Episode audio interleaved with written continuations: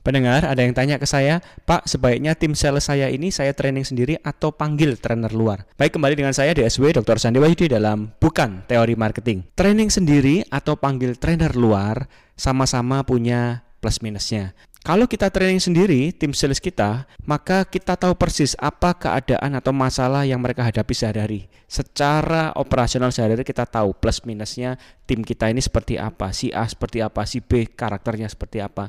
Nah, tapi kalau kita sering kasih training sendiri, mereka cenderung tidak peduli, ya, tidak sungkan, tidak segan. Karena apa? Yang mungkin kita katakan kepada mereka itu itu aja, sama aja tiap minggu. Berapa omsetmu yang kamu apa kendalamu di lapangan dan seterusnya.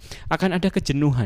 Nah, kalau kita panggil trainer luar, maka akan ada suasana baru, ada wawasan baru, ilmu baru yang dibagikan oleh trainer tersebut dan tim kita mungkin bisa lebih termotivasi karena ada suasana yang baru. Tapi masalahnya trainer luar ini nggak tahu apa-apa. Biasanya mereka hanya pinter motivasi, nggak ngerti internal daripada perusahaan kita. Jadi sebaiknya adalah bukan masalah siapa trainernya, trainer internal kita atau trainer luar. Yang terpenting adalah kurikulum. Yang terpenting adalah modul pelatihan. Kita harus susun berapa kali dalam satu tahun tim sales kita ini harus belajar apa aja. Misal ilmu negosiasi, ilmu presentasi, ilmu komunikasi dan seterusnya. Di mana mereka juga harus dites. Selain di training, mereka juga harus praktek dan prakteknya itu bisa dilaporkan dan ada hasilnya before after sebelum dan sesudah diberikan training. Misal dalam satu tahun kita ada 12 kali training karena satu bulan satu kali ya.